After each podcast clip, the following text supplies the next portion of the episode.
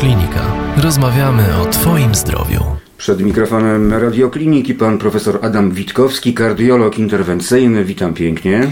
Witam pana redaktora, witam państwa. A rozmawiać będziemy dzisiaj o tym, jak zmniejszyć ryzyko powikłań pozabiegowych u pacjentów kardiologicznych. Panie profesorze, każda operacja lub e, zabieg, szczególnie w sferze kardiologicznej, jak sądzę, niesie ze sobą ryzyko powikłań po zabiegu, ale niezwykle istotne jest też przygotowanie pacjenta najpierw do zabiegu. Tak, generalnie wszystko zaczyna się od y, właściwego wyboru pacjenta do właściwego typu zabiegu czy operacji, dlatego że to jest sprawa y, kluczowa. W ten właśnie sposób możemy próbować redukować ryzyko powikłań. Wiemy, że są e, określone jednostki chorobowe czy określone stany kliniczne, gdzie to ryzyko jest większe i takie, gdzie jest ono mniejsze. No na przykład, jeżeli będziemy leczyć pacjenta przy pomocy zabiegu angioplastyki wieńcowej w fazie ostrego zawału serca, to wiadomo, że taki zabieg jest obciążony większym ryzykiem, nawet nie z uwagi na interwencję, tylko na ogólny stan chorego. Niższy zabieg e, angioplastyki tętnicy wieńcowej wykonywany w sposób planowy u pacjenta, który ma stabilną chorobę wieńcową. Wiadomo też, że mm, są określone stany kliniczne, które zwiększają ryzyko zabiegu, inne niż zawał serca. To może być wstrząs kardiogenny, ale to może być też chory otyły, na przykład bardzo, gdzie wiadomo, że mogą wystąpić większe powikłania naczyniowe. To może być chory z rozsianą miażdżycą dotyczącą y, nie tylko serca i tętnic wieńcowych, ale również tętnic y, biodrowych czy aorty, gdzie mogą wydarzyć się wtedy powikłania krwotoczne czy, czy powikłania związane z uszkodzeniem tętnicy czy z uszkodzeniem aorty itd. Tak itd. Tak Wszystkich powikłań oczywiście przewidzieć się nigdy nie da, ale można się nastawić, jeżeli dokładnie przeanalizuje się chorego, jeżeli jest oczywiście na to czas, bo właśnie jednym z czynników, które powodują, że w ostrych stanach, w takich jak świeży czy ostry zawał serca, często nie ma czasu na dokładną analizę, no i to powoduje, że możemy wejść w coś, czego uniknęlibyśmy, gdyby był na to czas, ale tutaj chodzi o ratowanie już nie tylko zdrowia, ale i życia i w związku z tym no, trzeba postępować szybko, czy w każdym razie szybciej niż w stanach nienaglących, planowych. W przygotowaniu pacjenta do zabiegu czas, jak się okazuje, odgrywa ogromną rolę. Nie da się też, panie profesorze, wymienić e, wszystkich zależności, czyli powikłań pozabiegowych u pacjentów kardiologicznych e, w odniesieniu do zmniejszenia tego ryzyka. Natomiast e, proszę powiedzieć, czy występują pewnego rodzaju zależności między tymi pojęciami szczególnie często? Czyli zmniejszenie ryzyka powikłań pozabiegowych u pacjentów kardiologicznych w zależności od innych uwarunkowań? Czy są jakieś szczególnie często występujące zależności? Tak, no właśnie takim przykładem może być otyłość i wykonywanie zabiegu e, z nakłucia tętnicy udowej. Wtedy może dość często dochodzić, czy częściej w każdym razie niż u pacjentów szczupłych, do uszkodzenia ściany tętniczcy, do powikłań krwotocznych, które mogą być niebezpieczne e, bardzo i wymagać natychmiastowej interwencji, czy to przy pomocy zamknięcia dziury w tętnicy przy pomocy specjalnych urządzeń, jak e, e, graft stenty, czy nawet konieczności interwencji chirurga naczyniowego. Teraz większość zabiegów wykonuje się przynajmniej dotyczących angioplastyki tętnic wieńcowych wykonuje się z nakłucia tętnicy promieniowej w nadgarstku, gdzie powikłania krwotoczne zdarzają się rzadko, e, o wiele rzadziej niż przy nakłuciu tętnicy udowej, no ale u części chorych tak się wykonać no czasami jest, zabiegu nie da. To jest jakieś nowum chyba, prawda? Bo generalnie przez lata... E, tak, ale już od wielu lat w Polsce i na świecie kardiolodzy interwencyjni jakby przerzucili się na nakłuwanie tętnicy promieniowej zamiast tętnicy udowej, bo właśnie powikłania tam zdarzają się rzadziej, a ponieważ jest to mniejsza tętnica o wiele niż tętnica udowa, to też i konsekwencje jakichś e, powikłań są mniejsze i mniej zagrażające zdrowiu czy życiu chorego niż powikłania z tak dużej tętnicy, jaką jest tętnica udowa. E, no ale u nie wszystkich chorych tak się to da zrobić, u większości tak. W Polsce myślę 80% zabiegów e, dotyczących angioplastyki tętnic wieńcowych jest robionych w tej chwili z dojścia od tętnicy promieniowej, a tylko 20 y, z dojścia od tętnicy udowej. No ale niemniej jednak tak jest, że u części chorych musimy tą tętnicę udową wykorzystywać i tak jak mówię, jeżeli chory jest otyły, to to zwiększa ryzyko powikłań. Jeżeli chory ma jakąś chorobę, która powoduje zaburzenia układu krzepnięcia albo małopłytkowość, albo y, przyjmuje albo leki. przyjmuje leki właśnie, które jak na przykład chorzy z migotaniem przedsionków przyjmują leki, które są doustymi antykoagulantami i zmniejszają krzepliwość krwi, czy chorzy po wszczepieniu sztucznych zastawek również te antykoagulanty przyjmują? I to oczywiście zwiększa ryzyko powikłań krwotocznych. Chorzy ze bardzo rozsianymi zmianami w aorcie, szczególnie w łuku aorty, tam gdzie odchodzą naczynia które prowadzą krew do mózgu, no, są narażeni pewnie częściej niż ci, którzy nie mają tych rozległych zmian miażdżycowych na udary, ponieważ jakaś blaszka nawet przy bardzo łagodnym i nietrudnym pasażu przez łuk aorty może się urwać i popłynąć do głowy i dać udar. Tak, a w głowie już przecież tak. zaczynają się i naczynia włosowate, więc tam łatwo tak, jednak tak, no, przerwać no, ten taki czasami nawet bym powiedział prysznic, shower z aorty, szczególnie przy pasażu grubszych urządzeń, jak na przykład y, właśnie E, systemy dostarczające do zastawek wszczepionych przez skórnie mogą powodować kłopoty neurologiczne. Zdarzają się również oczywiście powikłania już związane z samym zabiegiem, e, ponieważ tutaj mówimy mm, o angioplastyce tętnic wieńcowych, no to wiadomo, że te tętnice mogą e, ulec pęknięciu, rozwarstwieniu. Wtedy trzeba szybko działać, żeby przywrócić ciągłość tętnicy i jakby zapewnić utrzymanie jej światła. Takie sytuacje zdarzają się pewnie najczęściej przy miażdżycy. Tak, przy miażdżycy i to takiej rozległej. Jeżeli ktoś ma y, pojedyncze zwężenie w tętnicy wieńcowej, które jest krótkie, niezwapniałe, nie jest położone na zagięciu tej tętnicy, to tam możliwość jakiegoś urazu, który może doprowadzić do e, przykrych konsekwencji, jest relatywnie bardzo mała. Natomiast u chorych starszych, z, właśnie z takimi rozległymi zmianami w tętnicach wieńcowych, z dużymi zwapnieniami, e, z licznymi zwężeniami, no to oczywiście to ryzyko rośnie i jakby o tym trzeba z chorym rozmawiać. Chorzy, którzy wiadomo mają cukrzycę, niewydolność nerek, nadciśnienie tętnicze, są otyli, częściej mają powikłania przy zabiegach kardiologicznych niż ci, którzy są młodsi, mają wydolne nerki i tak dalej, i tak dalej. No właśnie, tutaj jest dobra sposobność, żeby podkreślić, że nie tylko choroby układu krążenia mogą powodować powikłania po te, tego typu zabiegach, tylko tak, wszelkie inne choroby. Wspomniał Pan profesor o cukrzycy chociażby. No cukrzyca sprzyja, prawda, szybszemu rozwojowi miażdżycy, więc ci chorzy mają bardziej rozległe zmiany w tętnicach wieńcowych. Niewydolność nerek z kolei sprzyja tym, że tętnice też y, y, wapnieje ich ściana i są one Kruszają. Y, trudniejsze do poszerzenia przy pomocy balonika czy stentu.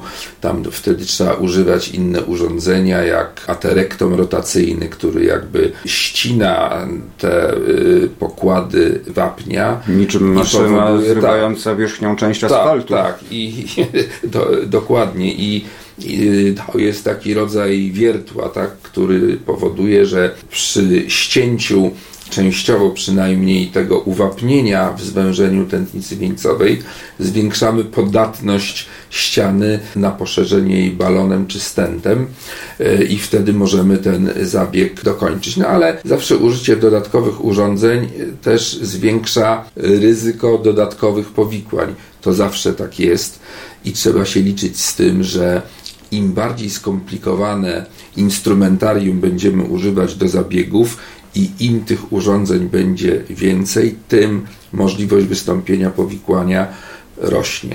A duży jest y, odsetek pacjentów, u których występują tego typu powikłania? Nie, nie duży. Przy elektywnych zabiegach angioplastyki to myślę, że jest to procent, dwa procent. Także to rzeczywiście jest relatywnie mało, no ale to jest y, statystyka, która nigdy nie mówi do końca prawdy, dlatego że chory, który ma lat 50 Y, nie jest po udarze, nie ma niewydolności nerek i nie ma cukrzycy, ma chorobę wieńcową, to jest zupełnie inny chory niż 80-letni pan czy pani po udarze z cukrzycą i tak dalej, i tak dalej. Więc y, to 1-2% to jest taka mediana, ale trzeba, która dotyczy statystycznego pacjenta, czyli pacjenta, którego tak naprawdę nie ma bo są chorzy albo poniżej tej mediany, albo powyżej. Pacjentów po zabiegach kardiologicznych, aby uniknąć powikłań, powinno się szybko rehabilitować, prawda? Tak, szczególnie po takich większych zabiegach kardiologicznych. Może przy angioplastyce wieńcowej te systemy wprowadzające i same urządzenia są bardzo cienkie, mają małą średnicę i tutaj y, oczywiście chorzy sami Y, już po zabiegach tego samego dnia, na przykład jeżeli mają wykonywane stętnicy promieniowej, to chodzą i, i, nic tam z nimi się nie dzieje. Tak, ale są poważniejsze operacje. Ale są zabiegi. poważniejsze, tak, które wymagają właśnie nakłucia tętnicy udowej. To musi być użyte o wiele grubsze urządzenie i wtedy taki chory musi odleżeć w łóżku powiedzmy kilka czy kilkanaście godzin, żeby to miejsce się wygoiło no a potem musi być uruchamiany w sposób stopniowy bardzo, nie taki gwałtowny, żeby Czyli najpierw wszystko... pionizacja, tak, tak, tak. A I potem, potem dopiero powolne... Potem chodzenie z kimś. Oni zwykle szybko wracają do e, w miarę normalnego trybu życia, no ale jednak trzeba uważać e, przez kilka dni, żeby tak za bardzo e, nie robić intensywnych wysiłków fizycznych, jeżeli chodzi o chodzenie, bieganie, wchodzenie po schodach i tak dalej. Trzeba to wszystko trochę spowolnić. Każde z ćwiczeń przywracających normalne funkcjonowanie wiąże się, tu nawiązuje na przykład do operacji na sercu, wiąże się chociażby z ryzykiem niestabilności mostka, do tego e, odruchy typu kaszel, kichanie, to stwarza pewne niebezpieczeństwo kolejnych powikłań, prawda? Jak e, temu zapobiegają specjaliści? No, ci chorzy po operacjach kardiochirurgicznych związanych z przecięciem e, mostka, po pierwsze mają ten mostek drutowany, to powoduje, że ten metalowy szef rzadko może ulec przerwaniu w jakichś ekstremalnych sytuacjach tylko, po drugie, mają zakładane specjalne kamizelki, które dodatkowo ściskają jakby klatkę piersiową, żeby zapobiec ruchom tego mostka. Po drugie, są instruowani, że pewnych ruchów, jak jakieś tam wymachiwanie rękoma zaraz po operacji, to nie należy robić. No i po trzecie, przychodzą do nich rehabilitanci, którzy ich stopniowo uruchamiają, właśnie dbając o to, żeby ta klatka została stabilna, żeby nie za bardzo ją próbować rozciągać przez nieodpowiednie ruchy rąk. I oczywiście tutaj ta rehabilitacja jest y, bardzo ważna. Tak samo jak rehabilitacja jest ważna u chorych, którzy w ogóle są chorymi starszymi i oprócz swojej podstawowej choroby serca mają dużo różnych chorób naokoło i oni wymagają często dość takiego stopniowego uruchamiania, bo nawet przed zabiegiem oni e, nie byli tak za bardzo mobilni, że tak powiem, raz z uwagi na serce, ale dwa również z uwagi na różne inne przyczyny, jak na przykład zwyrodnienia w stawach y, biodrowych, które dotykają ludzi starszych przecież, prawda? I to wszystko w związku z tym wymaga bardzo stopniowego uruchamiania przez e, odpowiednio przeszkolonego rehabilitanta. Powikłania pozabiegowe to nie tylko czysto mechaniczne uszkodzenia, ale do dość niebezpiecznych uszkodzeń pooperacyjnych należą m.in. defekty obwodowego i centralnego układu nerwowego. Też się takie Tak, no to się zdarzają. zdarza oczywiście. Im grubsze urządzenie, które przeprowadzamy przez aortę i jej łuk, tym większa możliwość poruszenia blaszek miażdżycowych, które są w jej ścianie, czy wygenerowania skrzepliny, chociaż oczywiście wszystkie zabiegi tego typu robi się w osłonie leków przeciwkrzepliwych, dość silnie działających, no właśnie po to, żeby nie powodować powstawania skrzeplin i ich ewentualnego urywania się i fragmentacji, płynięcia do głowy. Oczywiście wszystko ma swoje dobre i złe strony, bo z jednej strony podając te leki, czyli heparynę głównie oraz leki przeciwpłytkowe, chcemy spowodować, żeby nie tworzyły się skrzepliny i nie stanowiły zagrożenia,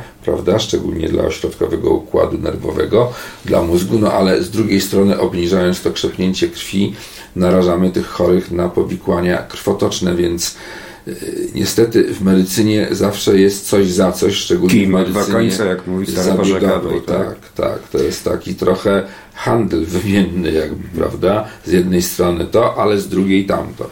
Tak, ale przychodzi w każdym przypadku moment, że pacjent jest wypisywany ze szpitala przy prostych zabiegach angioplastyki, chociażby tych najprostszych, nawet tego samego dnia. Tak, to prawda. Przy zabiegach nieco bardziej skomplikowanych to trwa nieco dłużej, no ale przychodzi ten moment. Pacjent jest wypisywany ze szpitala, trafia do domu. No i tutaj należy chyba bardzo mm, wyraźnie podkreślić, że powinien się stosować do zaleceń specjalistów.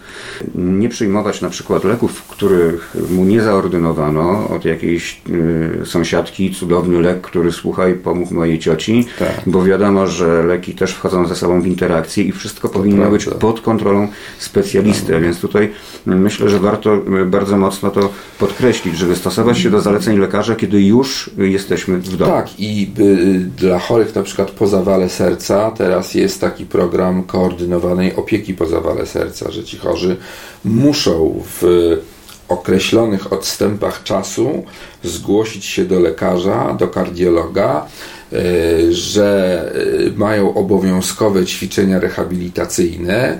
No i krótko mówiąc, przez, jest takie założenie, że przez rok ta opieka kardiologiczna dla chorych po zawale będzie bardzo taka intensywna. Włącznie z pobytem sanatoryjnym, bo to też jest Włącznie stosowane. też z pobytem sanatoryjnym. Ta rehabilitacja może być rehabilitacją w oddziale szpitalnym rehabilitacji, ale może być też taka na dochodząco, prawda, że chory w określone dni tygodnia przyjeżdża na godzinę czy dwie ćwiczeń z rehabilitantem. Można też mieć zalecone ćwiczenia w domu. Niektórzy chorzy z tego korzystają, inni nie, bo twierdzą, że są zbyt zajęci i nie mają czasu. Chcemy też uruchomić podobny program dla chorych z niewydolnością serca, takiej koordynowanej opieki, no bo my leczymy ludzi z różnych stanów kardiologicznych ciężkich, ale gdzieś na końcu nie wszystko się udaje, prawda? I yy, mamy dużo chorych, tak zresztą jak jest na całym świecie, w Europie, w Stanach Zjednoczonych, z niewydolnością serca, z uszkodzeniem serca po zawałach, po infekcjach itd., itd. I ci chorzy wymagają również takiej koordynowanej opieki.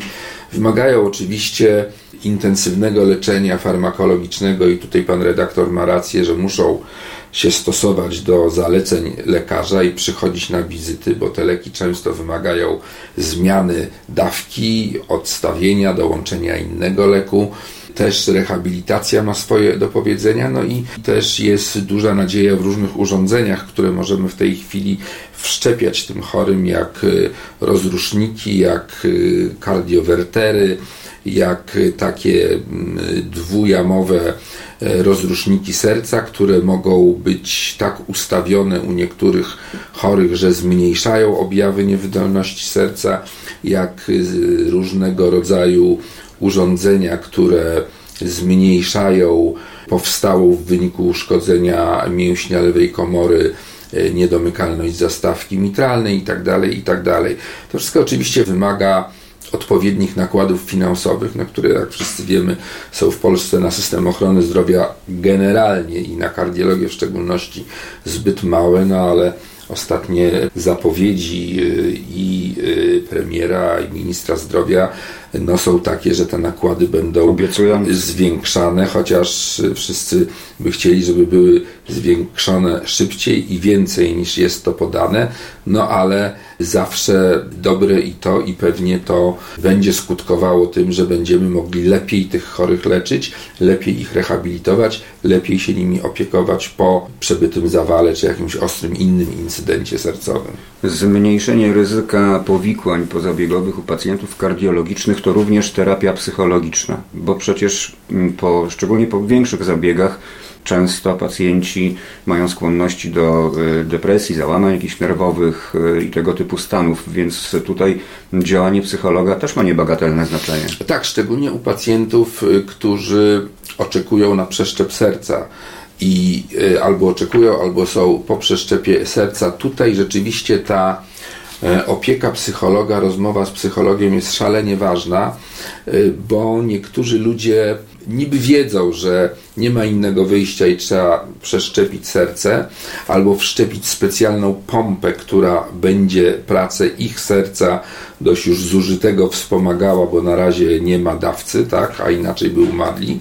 Mają takie wewnętrzne opory czy obawy przed tym, tak, że dostaną jakieś obce serce.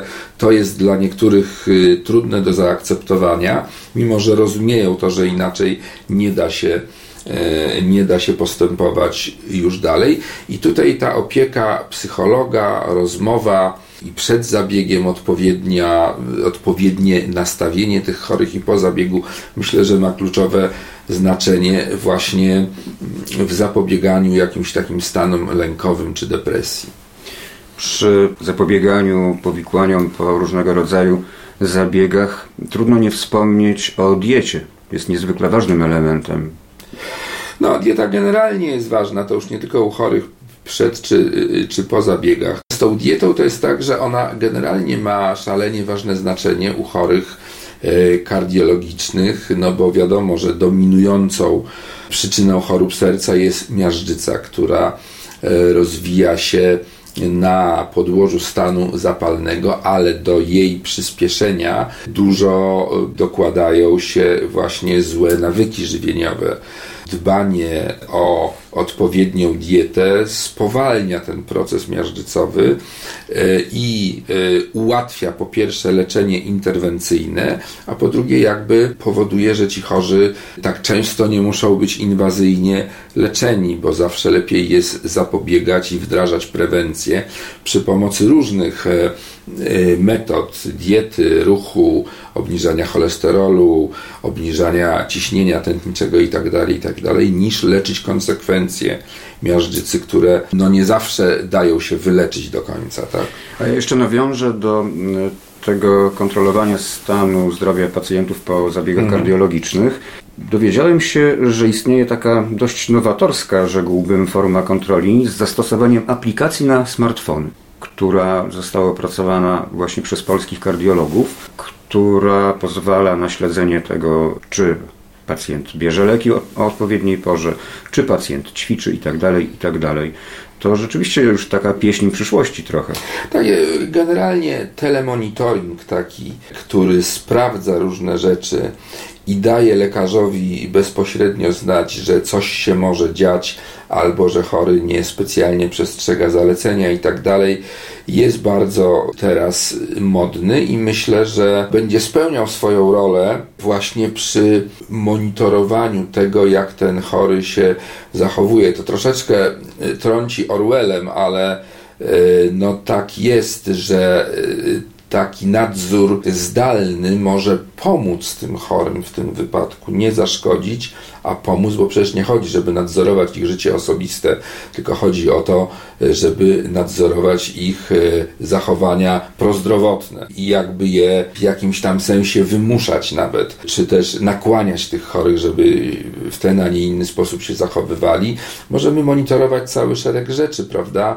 Tętno, ciśnienie, stopień aktywności fizycznej, jakieś ćwiczenia rehabilitacyjne itd., tak itd. Tak I to jest ważne, przynajmniej dla niektórych chorych, prawda, którzy zapominają o obraniu leków, czy, czy w ogóle już zapomnieli, że byli chorzy, bo się dobrze czują y, podczas gdy miażdżyca czy nadciśnienie tętnicze to są choroby, które będą im towarzyszyły przez całe życie.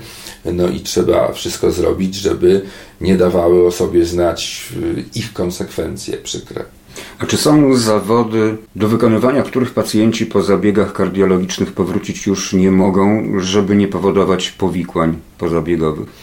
To jest bardzo trudna sprawa, bo znamy pilotów, którzy mieli angioplastykę wieńcową i nadal latają, no ale myślę, że chorzy, którzy mają już w wyniku zawału uszkodzone serce, czy są po udarze, no pewnie nie mogą pełnić, czy też wykonywać zawodów, które są związane generalnie z ryzykiem uszkodzenia nie tylko siebie, ale i innych, prawda? Bo jeżeli Czyli ktoś, odpowiadają za bezpieczeństwo e, innych. Tak, gdzie odpowiadają za bezpieczeństwo innych. No jeżeli pilot dostanie udaru następnego, to wiadomo, że może się to źle skończyć, nawet jeżeli jest automatyczny pilot i jego kolega siedzi obok. Więc y, na pewno zawsze to trzeba rozpatrzeć z tego punktu widzenia, czy zawody właśnie, które wymagają ze strony kogoś, kto, kto taki zawód wykonuje, dbania o bezpieczeństwo innych, czy są związane z bardzo dużym stresem, na przykład, no to y, myślę, że tutaj, jeżeli ktoś jest już albo y, uszkodzony przez różne choroby kardiologiczne, albo ryzyko, że coś się stanie, jest wyraźnie podwyższone, to pewnie takich zawodów nie powinien wykonywać. No i na przykład ciężkich prac fizycznych, jeśli ktoś jest po zabiegach e, inwazyjnych na sercu. No tak, no jeżeli to są zabiegi takie, że udało się uzyskać pełne wyleczenie, prawda, no to chorzy mogą wrócić do normalnej aktywności fizycznej pewnie i tak będą sami z siebie się bali uprawiać wyczynowy sport, ale to nie znaczy, że nie mogą uprawiać sportu w ogóle, bo to byłoby już w końcu zbyt daleko idąca restrykcja.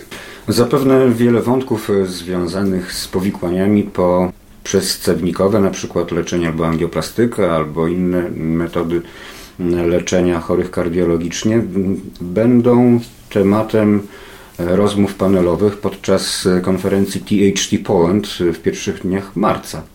Tak, to jest mm, konferencja, która skupia się na e, diagnostyce i leczeniu w nowoczesny sposób wad strukturalnych serca, w tym wad zastawkowych przede wszystkim. Ona skupia specjalistów z Polski przede wszystkim, ale także zaproszonych e, gości z zagranicy, którzy właśnie tym się zajmują.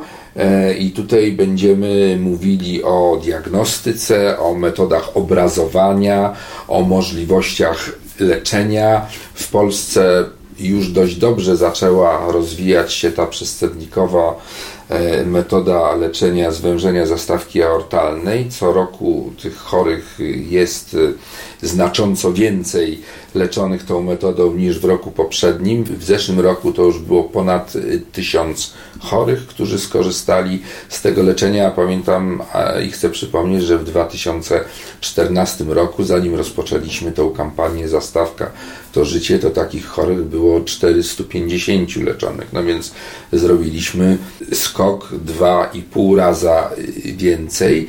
To nie znaczy, że mamy się zatrzymać, bo według takich wstępnych obliczeń wydaje się, że w Polsce powinno się robić tych zabiegów 2000 e, rocznie, więc jeszcze raz musimy no, o 100% się zwiększyć, ale to idzie, ale to tak. idzie, tak, ale to idzie.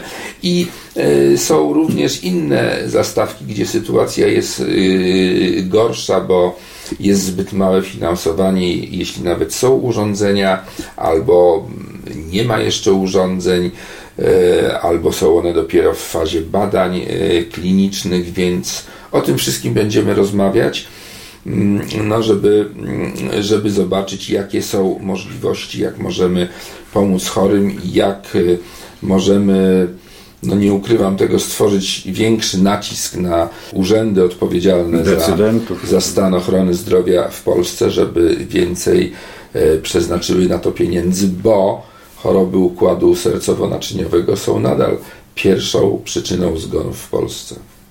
Zapobieganie powikłaniom po zabiegach kardiologicznych jest działaniem kompleksowym, jak wynika z naszej rozmowy, od ćwiczeń fizycznych przez farmakoterapię, psychologię, poprzez dietę, aż po zdrowy rozsądek nawet. I wniosek płynie jeden, tylko stosowanie się do wszystkich tych elementów zapobiega niepożądanym skutkom i z tą refleksją i radą pozostawiamy naszych słuchaczy.